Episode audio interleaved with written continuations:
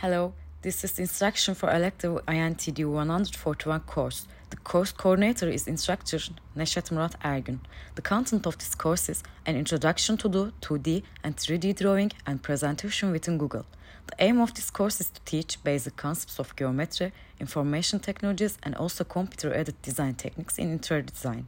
Wish you a successful semester. Good luck.